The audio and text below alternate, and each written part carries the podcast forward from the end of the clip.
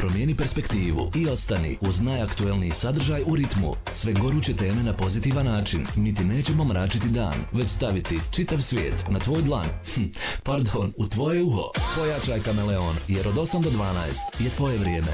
Dame i gospodo, sa vama je Amra Avdić. Dobro vam jutro, odnosno možda već za neke od vas i dobar dan. Vi ste uz Radio Kameleon, gledate Internaut Show i naravno slušate ga na Radio Kameleonu.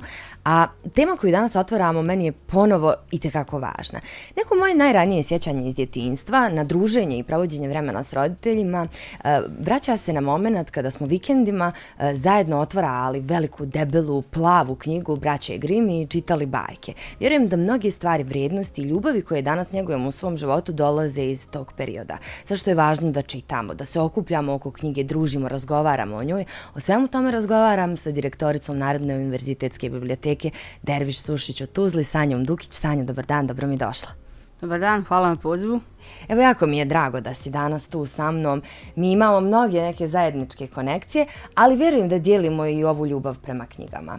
E, neka istraživanja koja sam pokušavala da pronađem e, kao pripremu za naš razgovor kažu da u prosjeku u svijetu, pa pogotovo kada je riječ o ovim našim balkanskim prostorima, za godinu dana pročitamo neke tri knjige. E sada, sva ta istraživanja uvijek uzmem sa dozom rezerve, um, jer je u ovisnosti ko ih radi i sa kojim ciljem, ali kakva je zapravo, kako je stanje na terenu kada je riječ o biblioteci? Šta govori tvoje iskustvo?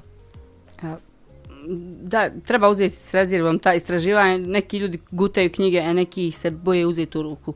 Tako da, ovaj, možda je najbolje stanje na terenu, stvarno, što se nas tiče ovaj da analiziramo, a to je da biblioteka sa svojim sadašnjim brojem članova m, malo prilično kaska za ne, nekim trendom koji je bio prije desetak, 15, 20 godina. E, ja imam i čak neka objašnjenja za to, ali hajmo prvo da vidimo kako možemo to da promijenimo. U regionu se više čita. Knjige su dostupnije. E, kod nas ja nisam zadovoljna onim što mi imamo kroz rad sa korisnicima u biblioteci. Neće vam nijedan bibliotekar reći da je zadovoljan koliko imamo članova, to je jednostavno, onda bi to značilo da smo mi svoj posao završili. Ovaj, ali on, nama je to bitan nekakav m, bitna informacija kako bismo mogli dalje da radimo, da razvijamo tu. Sada e, ljudi kupe knjige i u marketima razmjenjuju jedni s drugima. Nekada tu jednostavno dođu do toga da imaju nagomilane knjige, pa zašto bi išli u biblioteku? Da, tako da mi možemo samo pričati o onome što imamo sa članovima u biblioteci, a zaista kako je stanje na terenu, ne možemo dobiti te tačne statističke podatke. E, voljela bi da ima više ljudi koji pričaju o knjigama. E to je nešto što, na, što, na što bismo mogli da utičemo. I na što ste već počeli da utič, utičete, ali o tome ćemo nešto malo kasnije. I nekim bi se samo nametnulo pitanje, uh, nađem se u određenim situacijama sa ljudima koji kažu čitaj bilo šta. Nije važno šta čitaš, čitaj bilo šta. Neki kažu da ipak treba imati neki proces selekcije. E sada te ne pitam kao direktoricu uh, Narodne biblioteke, nego te pitam lično tvoje mišljenje. Da li smatraš da trebamo zaista čitati bilo šta što nam dođe pod ruku? Ne čitaj bilo šta. Možda ono kao nije popularno mišljenje, ali hajmo biti e, realni. Vrlo jednostavna stvar. E, knjigu doživljavam kao osobu. Kad kaže knjiga je najbolji prijatelj, mislim, pas je najbolji prijatelj, on, biramo i, i pse, knjige, sve biramo i najbolji prijatelji biramo prema našim afinitetima. E, toliko je knjiga odštampano, dobrih knjiga, koji mi za života nećemo stići pročitati. Trebamo birati knjige koje nam odgovaraju krenemo čitati knjigu, ne leži nam, zašto gubiti vrijeme? To isto kao kad odete na, na kafu s nekim ko vam jednostavno ne godi, imate osjećaj da vam je vrijeme prošlo da čekate da krenete mm, s te kafe kući. Treba birati knjige koje nam odgovaraju. A treba i znati zašto neku nismo htjeli pročitati do kraja. Sasvim ok, treba imati taj stav. A divni knjiga ima, knjiga koji nas opuste, koji nas razdrmaju, koji nas rasplaču što, što se ne upustiti u tu avanturu, nego reći ova me knjiga izmučila. Pff, nema potrebe za tim. Jasno. Temelji se, kažu, postavljaju u djetinstvu i zato toliko insistiramo negdje i mi kroz stvari koje radimo koliko je važno obrazovanje, pa samim tim i čitanje. Kako po tvom mišljenju stvoriti u ovom digitalnom svijetu, totalno smo se svi digitalizovali od najranijih dana, kako stvoriti tu neku zdravu naviku čitanja kod djece? E pa, ovako ja mogu to da krenim da pričam samo iz svog primjera. Sjajno. Iz mog primjera, iz kuće u kojoj sam ja odrastala i onog što ja sad svom djetetu ovaj, nekako omogućavam. E, mi kad smo bili mali, ja, malo sam ja starija od tebe, Amra, ali ne vazi što isti datum rođenja. ovaj, mi kad smo bili mali, tad je bio jedan do dva kanala, prebaciš, sviđa se, ne sviđa, odgledaš dnevnik, onaj, to je crtani prije dnevnika, dnevnik i djecu više TV ne zanima. Tada je bilo puno jednostavnije uzeti knjigu prije spavanja na večer, jer je knjiga bila normalno provođenje vremena. A, sada je to jako teško. Tolika silna mogućnost e, prebacivanja kanala, paljenja na kompjuteru, u stvari gledanja YouTube-a, ne znam, nija sila jedna ljudi jednostavno gubi vrijeme na tome, krenu da pretražuju, scrollaju, ne razmišljaju uopšte o tome koliko im to vremena oduzima. Čak i ako su negdje unutra svjesni, ne mogu da prestanu. E, to je ono što utiče na vrijeme koje posvećujemo knjigama. E, ja sam uvela u kući pravilo u 8 sati se gasi televizor. Sklanjaju se svi ekrani razni, mobiteli, ovo, nema ništa od toga. I onda nam ostaje knjiga. Ostanu tu i neki drugi, neke igre, nešto, ali u biti ostaje nam ono što utiče na mozak da se opusti, da zdravo radi, da lijepo spavamo. Sve to što, što se najveće pred samo spavanje radi je definitivno nešto što se uh, što ima efekta kad gledamo u konačnici. Dakle, samo poisključivati, nećemo ništa propustiti. Ako je loša vijest, a loše vijesti najčešće dolaze na večer, mi ćemo tu lošu vijest i ujutru čuti. Ali ono što sami sebi priredimo čitajući knjigu, pričajući sa ukućanima o knjigama, to nam ne može niko oduzeti da sami sebi odredimo. Pa Podijelit ću s tobom jedno svoje iskustvo skorašnje. Um, negdje sam vidjela opet na telefonu, na društvenim mrežama, um, savjet da pokušamo jednu noć prije spavanja biti na telefonu, što nam nije teško da pokušamo, makar govorim u svoje ime, a onda da narednu noć e, uzmemo knjigu, sve isključimo i da vidimo kako ćemo se probuditi sutra ujutru. I zaista onog, one, onog momenta kada sam odlučila, ok, knjiga, idem to da testiram, ja sam se totalno drugačije i odmornije probudila. Ali molim te, budi sad potpuno iskrena sa mnom, upadneš li, evo radi roditelja koji imaju malu djecu u svojim domovima, upadneš li u zamku da imaš tu neku borbu, da evo baš bi željela da upališ telefon I ako imaš, kako onda izađeš iz toga? Pa, da upadnem u zamku, ja, ja imam fiksni telefon. Dobro. I meni najbitnija komunikacija s mojim roditeljima. Oni mogu da nazovu u to doba ako hoće. Tako da ne razmišljam o tome. Ovaj, ali je sigurno puno teže mladima koji u to doba, njihov život počinje u to doba, komunikacija počinje u to doba. Na kraju kraja mladi su napolju u to doba. Tako da ono što ja pričam u 8 sati, to naravno kod tineđera, kod adolescenata važi u mnogo kasnije vrijeme. Yes. Uh, svejedno, sat vremena prije spavanja, ne gledajte ni u kakve uređaje, uzmite knjigu. Misliš da Sanja da se može istrenirati, recimo da nismo imali dobru startnu poziciju kada je riječ o, o nekoj čitalačkoj kulturi i navici, um, ali negdje znamo da nam je potrebno, pa recimo želimo da proširimo svoj vokabular, zašto knjige definitivno jesu dobar saveznik. Misliš da se u starijoj dobi možemo istrenirati da, i stvoriti tu naviku? Naravno.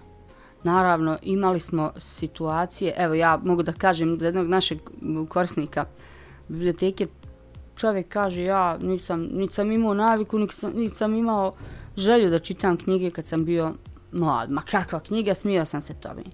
Čovjek je tad vozio šlepere po cijeloj Evropi. Došao je kod nas, tražio je iz naše zbirke, imao zbirku za slijepa i slabovina lica, znači na CD-ovima knjige. Tražio da digne više knjiga jer on kad putuje i vozi, on sluša knjige. I on je prvo tražio klasike, da vrati jednostavno sve što zna da je propustio i nastavio je dalje. Ne znam sad šta je s njim, možda je otišao iz ove zemlje, ali ovaj ono što znam je da je bio strastveni čitalac na taj način. Pazite, e. znači, mislim, ali to mi je sjajno zato što sam te baš i željela pitati šta misliš o audio knjigama, šta misliš o uh, online, PDF-u knjigama. Svaka knjiga je dobra. Svak nek se prilagodi tome. To jest, mi smo u bibliotekama uh, dužni da se prilagodimo našim čitaocima. Ako neko voli čitati knjige na Kindlu, volim i ja. Što da ne? Kindle nije loša stvar možda je malo teže čitati na drugim nekim ovaj, elektronskim uređajima gdje, onaj, gdje imamo led svjetlo koje kvari vid. Ali ako je nekom bitno da dođe do knjige juče, znači što prije, i može u elektronskoj formi da dođe, znači ćemo ga tu kritikovati. Naravno. Um, negdje sam spomenula upravo taj vokabular uh, gdje nam, pomažu za, gdje nam pomaže samo čitanje. Šta bi još kazala da su benefiti čitanja? u nekom našem svakodnevnom životu koji možda i ne primijetimo, evo, super bi bilo da ih osvijestimo. Mentalno zdravlje. Ne bi sad da napadam elektronske uređaje, ali benefiti čitanja za, po mentalno zdravlje su a, naj, nevjerovatni. Pa vi imate e, biblioterapije. Ljudi čitaju, prerađuju tu, pronalazi se. M, zaista, ovaj, ja, ja znam dosta ljudi koji su kad su promijenili život ono za 180 stepeni izbacili televizor. Izbacili skroz TV jer su osjećali da im je to izvor ovaj, stresa. Krenuli čitati knjige, promijenili o, o, okolinu ljude, to jeste shvatili da ne moraju baš biti sa svim tim ljudima s kojima su bili. Probrali su onako i, i ljude s kojima su sarađivali. Ti ljudi se sad osjećaju pričam sad od konkretno dvije osobe koje jako dobro poznajem. Uh mhm. -huh. Jaki ko stijene, kaže, ja sad imam osjećaj da je mogu cijeli svijet dići na svojim leđima. To je ono što je urađeno, pročistili su svoje, ovaj, svoj um. Kao i priroda, mislim, ne znači da sad ne trebamo ići u prirodu. Naravno. Knjiga, priroda ili kombinacija, to dvoje još bolje. Još bolje. E, Sanja, kada bi, pošto negdje težimo tome da do, dopremo najviše do mladih ljudi i kada bi morali da izdvojimo nekoliko knjiga upravo u, to, u tim nekim tinejdžerskim ili ranim 20. godinama, mm -hmm. imaš li neke preporuke šta bi, šta bi možda bilo baš sjajno da pročitaju? Sjajno u smislu da neko ko ne čita nikako, Možemo. Pa da mu se počne, predloži nešto ovako. Evo, može Evo, baš tako. E, imala sam te situacija u radu u američkom kutku gore, e, kad dolazili ne znaju baš dobro engleski ili ne znaju šta bi im se svidjelo, ne, na nekim su granicama, ono, da se mi jednostavno možemo posvetiti e, tome da formiramo njihov čitalački ukus, tako što ćemo predložiti knjigu koju neće sigurno odbiti koju će sigurno brzo pročitati. I onda jedna od uh, tih knjiga je od Shermana Alexia, to je jedan Native American, američki ovaj, pisac, uh, knjiga uh, The Absolutely True Diary of a Part-Time Indian. Ja sad ne znam tačno ovaj prijevod na naš jezik, ima prevedeno i na naše jezike. Uh, knjiga je sjajna, govori o jednom mm, indijancu, tinejdžeru koji je u njemu je prepoznat potencijal, ali da bi on razvio taj potencijal, njemu je profesor predložio da ide u bjelačku školu van rezervata. Traženje identiteta, njegov, njegov život e, u rezervatu i život u bjelačkoj školi ovamo i ono što on prolazi, to je nešto što se naši tinejdžeri zaista mogu da, ovaj, mogu se identificirati i mogu o tome dosta da pričaju. Također sjajna knjiga je od Nick Stone, e, to je jedna spisateljica iz e, uh, Atlanti, uh, e, Dear Martin, jedan mladi, perspektivni afro, afroamerikanac, uh, dovede se u situaciju kada ni kriv ni dužan samo zato što je afroamerikanac uh, E, prolazi kroz neke strašne ovaj, odnose sa vlašću, s policijom i to sve i onda na kraju ovaj, počne da piše pisma Martinu Lutheru Kingu. E, ovo je ono što kad sam davala djeci da čitaju, vraćali su, stražili su još. Znači, bitno je dati im knjige u kojima će se identificirati i sjajno što imamo tebe a, na takvoj poziciji da znaš to negdje prepoznati i da nije upravo postajanje biblioteke samo sebi svrha, nego upravo radi onih ljudi no. koji će te knjige konzumirati. Um, evo, odgovorila si mi dakle na to pitanje. Sjajne se neke stvari dešavaju u biblioteci. E, recimo, za početak možemo pričati o čitalačkom klubu, ali negdje znam da ima tu još nekih stvari. Ajde, kaži mi sve šta se dešava i za naše slušatelje, ali i gledatelje, e, kako se mogu evo, priključiti čitalačkom klubu? To je pitanje koje sam dobila više puta. Ok, drago mi je što ste dobila to pitanje, što si dobila u stvari. To, to pitanje ide, ovaj, i nama ljudi šalju žao, žao mi je što nisu došli ovaj na ovo formiranje kluba, pa ste tek iz početka. Sada u mjesecu knjige mi smo odlučili da napravimo nekoliko ono pokušaja da vidimo neke nove ideje da ubacimo. Jedna od tih ideja je taj formiranje čitalačkog kluba. Apsolutno nije nova ideja u svijetu bibliotekarstva, ali je u našoj biblioteci nova. Uh, motiv da to formiramo, taj čitalački klub, smo imali iz više razloga. Naši čitaoci, korisnici e, koji dolaze da zamijenje knjigu, da posuđuju knjige, oni u stvari nemaju s kim da pričaju o tome. Pričalo bi s nama, ali nas čeka sljedeći korisnik i sljedeći korisnik. I onda to onako ostane jedna neprijatna atmosfera, nešto nedorečeno. I onda sam gledala, pa to je jedan zavidan broj ljudi kojima treba vrijeme u biblioteci.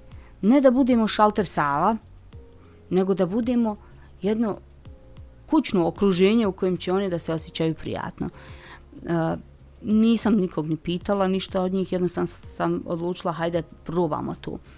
Drugi motiv koji je bio ovaj koji me ponukao da, da ovaj klub pokrenemo je taj da čujemo šta oni imaju nama da savjetuju kako bismo mi popravili svoje poslovanje da čujemo koje knjige želi da, da čitaju. Na kraju krajeva da razgovaramo, jer možda oni nemaju pojma zašto mi neke knjige nemamo.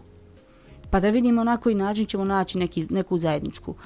I mi smo u stvari sjajno imali komunikaciju, došli su ljudi raznih e, starostnih skupina, različitih profila, djeca su došao je čak momak jedan koji je deveti razred osnovne škole i koji je rekao da se bolje osjeća u tom okruženju nego u okruženju svojih vršnjaka s kojima nema o čemu da priča. Uh, to je cilj, da se ljudi ne osjećaju usamljeni u tom svom hobiju. Sada nas je bilo dovoljno za čitaonicu. Sljedeći susret nam je sredinom novembra. Ja očekujem puno više ljudi i već sad razmišljam o, o alternativnom prostoru u biblioteci. Biće mjesta za sve i svi će se moći čuti. Sjajno, evo definitivno poziv, ja planiram da dođem na taj susret s vama koji nas gledate i slušate poziv, zaista. Mislim da bi to moglo da prerasta u jednu ozbiljnu aktivnost jednomjesečno gdje ćemo pronaći neko svoje utočište, baš onako kako, je, kako ga pronalazimo i u knjigama.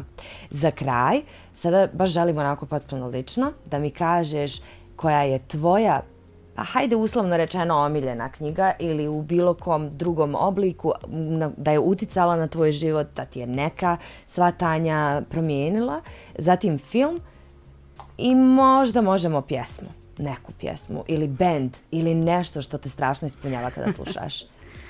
o što se knjiga tiče, ovaj, teško je odvojiti jednu knjigu, zaista mogu da otvorim, odvojim knjige u etapama mog života.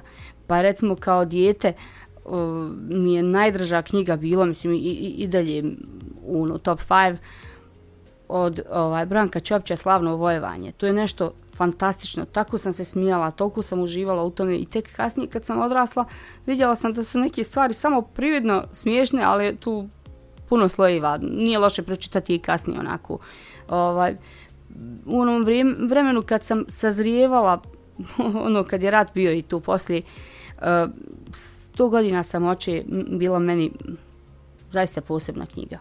Njoj sam se vraćala puno. A sad kad radim ovdje u ovom, u, u, u biblioteci kad radim i kad, se, kad sam okružena silnim ovim knjigama, zaista je teško. Zaista je teško izdvojiti jednu, bude, bude mi krivo. Evo ove koje sam spomenula tineđerima, vjerujte da su mi te dobre. Te su knjige sjajne jer e, i mene preispituju kao majku sad. Jasno znači moj pogled na, na to dijete koje odgajam je isto tako uh, u, u neku ruku knjige koje čitam neminovno utiču i na taj odgoj koji onda sad što se tiče ovaj Filma. filma ja ja sam, ja sam osoba koja je povratak u budućnost gledala toliko puta da ne smijem izgovoriti. Znam na pameti i sve te ovi, i sve dijaloge i dionice i znam na kojoj, na kojoj minuti se nalazi šta. Sad ne znam je li treba da budem ponosna ili ne na to, ali zaista uvijek To se vraćam na to. odgovor. I Star Wars. Star Wars. To je opet i to vezano. A što se tiče benda i to, ko, ko me zna, zna dobro da je meni prvo, drugo, treće i deseto mjesto Roxette. I sve njihove pjesme. Išla sam i na koncerte i jednostavno sam e, osoba koja je e, bez obzira na muziku koju sam slušala, Roxette odvojeno uvijek držala od sve, jer ti, ti su ljudi sjajni i mogu ja svašta još nešto preporučiti. Ali opet sam kažem, ne idu na istu listu. Hvala ti puno što si podijelila e, upravo te neke tebi važne stvari. Uh, svakako hvala na tome što radiš. Super je, jedva čekam da vidim šta će se dalje dešavati u biblioteci i nadam se da smo poslali neke dobre poruke, odnosno mislim da jesmo. Mnogo smo zainteresovala za te knjige koje si preporučila, tako da Ima primjeraka. stavljam ih na listu. Negdje sam e, na početku kada smo krenuli raditi ovaj e, serijal, stvarno željela, ko- koliko god ova pitanja ličila na leksikonska, ono, upiši mi se u dnevnik, da dijelimo m- međusobno neke preporuke za knjige, filmove, mislim da nam toga nikad nije onako na odmet. Tako da hvala ti još jednom i evo, radujem se nekom narednom susretu. Hvala.